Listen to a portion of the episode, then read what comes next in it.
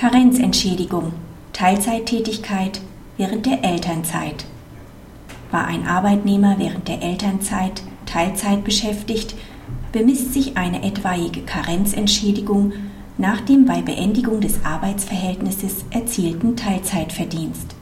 Die Parteien haben ein nachvertragliches Wettbewerbsverbot geschlossen, in dem sich der Arbeitgeber gemäß 74 Absatz 2 HGB zur Zahlung einer Karenzentschädigung in Höhe der Hälfte der zuletzt bezogenen vertragsmäßigen Leistungen verpflichtet. Der Arbeitnehmer beantragt im August 2005 eine Elternzeit für die Dauer von zwei Jahren und eine Reduzierung der vertraglichen Arbeitszeit während der Elternzeit von 38,5 auf 30 Stunden.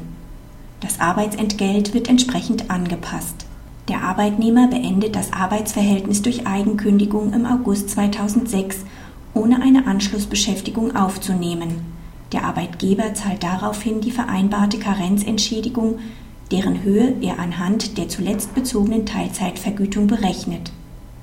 Nach Auffassung des Arbeitnehmers ist die Karenzentschädigung auf der Grundlage des früheren Vollzeitverdienstes zu berechnen. Das BAG hält die erhobene Zahlungsklage für unbegründet. Die Karenzentschädigung wurde vom Arbeitgeber zutreffend berechnet. Scheidet ein Arbeitnehmer als Teilzeitbeschäftigter aus, so richtet sich die Karenzentschädigung nach den vertragsmäßigen Leistungen im Teilzeitarbeitsverhältnis, auch wenn er zuvor längere Zeit als Vollzeitbeschäftigter tätig war. Es ist grundsätzlich nicht unbillig, bei Teilzeitbeschäftigten den Wert der Karenzentschädigung anhand der verringerten Arbeitszeit zu bemessen. Die Karenzentschädigung soll den Nachteil ausgleichen, den der Arbeitnehmer durch die Beschränkung der Verwendung seiner Arbeitskraft erleidet. Ihm soll es möglich sein, seinen bisherigen Lebensstandard aufrechtzuerhalten.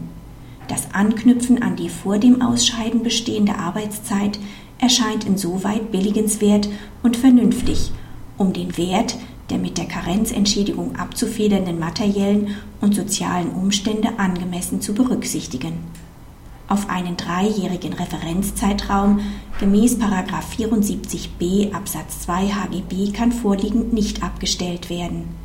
Unter diese Vorschrift fallen lediglich variable Vergütungsbestandteile wie Provision, Tantiemen und sonstige von äußeren Umständen abhängige Leistungen. Der Wechsel von einer Vollzeit auf eine Teilzeitbeschäftigung wird davon nicht erfasst. Das gefundene Ergebnis stellt auch keine unzulässige Diskriminierung von Arbeitnehmern im Hinblick auf ihre Ehe und Familie oder ihre Pflichten gegenüber Kindern dar, da die Pflicht zur Zahlung der Karenzentschädigung ausschließlich an die persönliche Arbeitszeit anknüpft. Ausblick die Entscheidung macht deutlich, dass die Geltendmachung eines Teilzeitverlangens durchaus mit negativen Folgewirkungen verbunden sein kann. Die Ausführungen des BAG gelten insoweit unabhängig davon, ob die Reduzierung der Arbeitszeit während der Elternzeit nach 15 Absatz 6 Bundeserziehungsgeldgesetz oder nach 8 Teilzeit- und Befristungsgesetz erfolgt. Inwieweit man in Härtefällen möglicherweise doch auf den Referenzzeitraum des 74b Absatz 2 HGB zur Ermittlung der maßgeblichen Karenzentschädigung bei Teilzeitbeschäftigung zurückgreifen kann und muss, ist bislang ungeklärt. Eindeutig ist dagegen die Frage zu beantworten, wie im Fall eines vollständigen Ruhens des Arbeitsverhältnisses während der Elternzeit zu verfahren ist.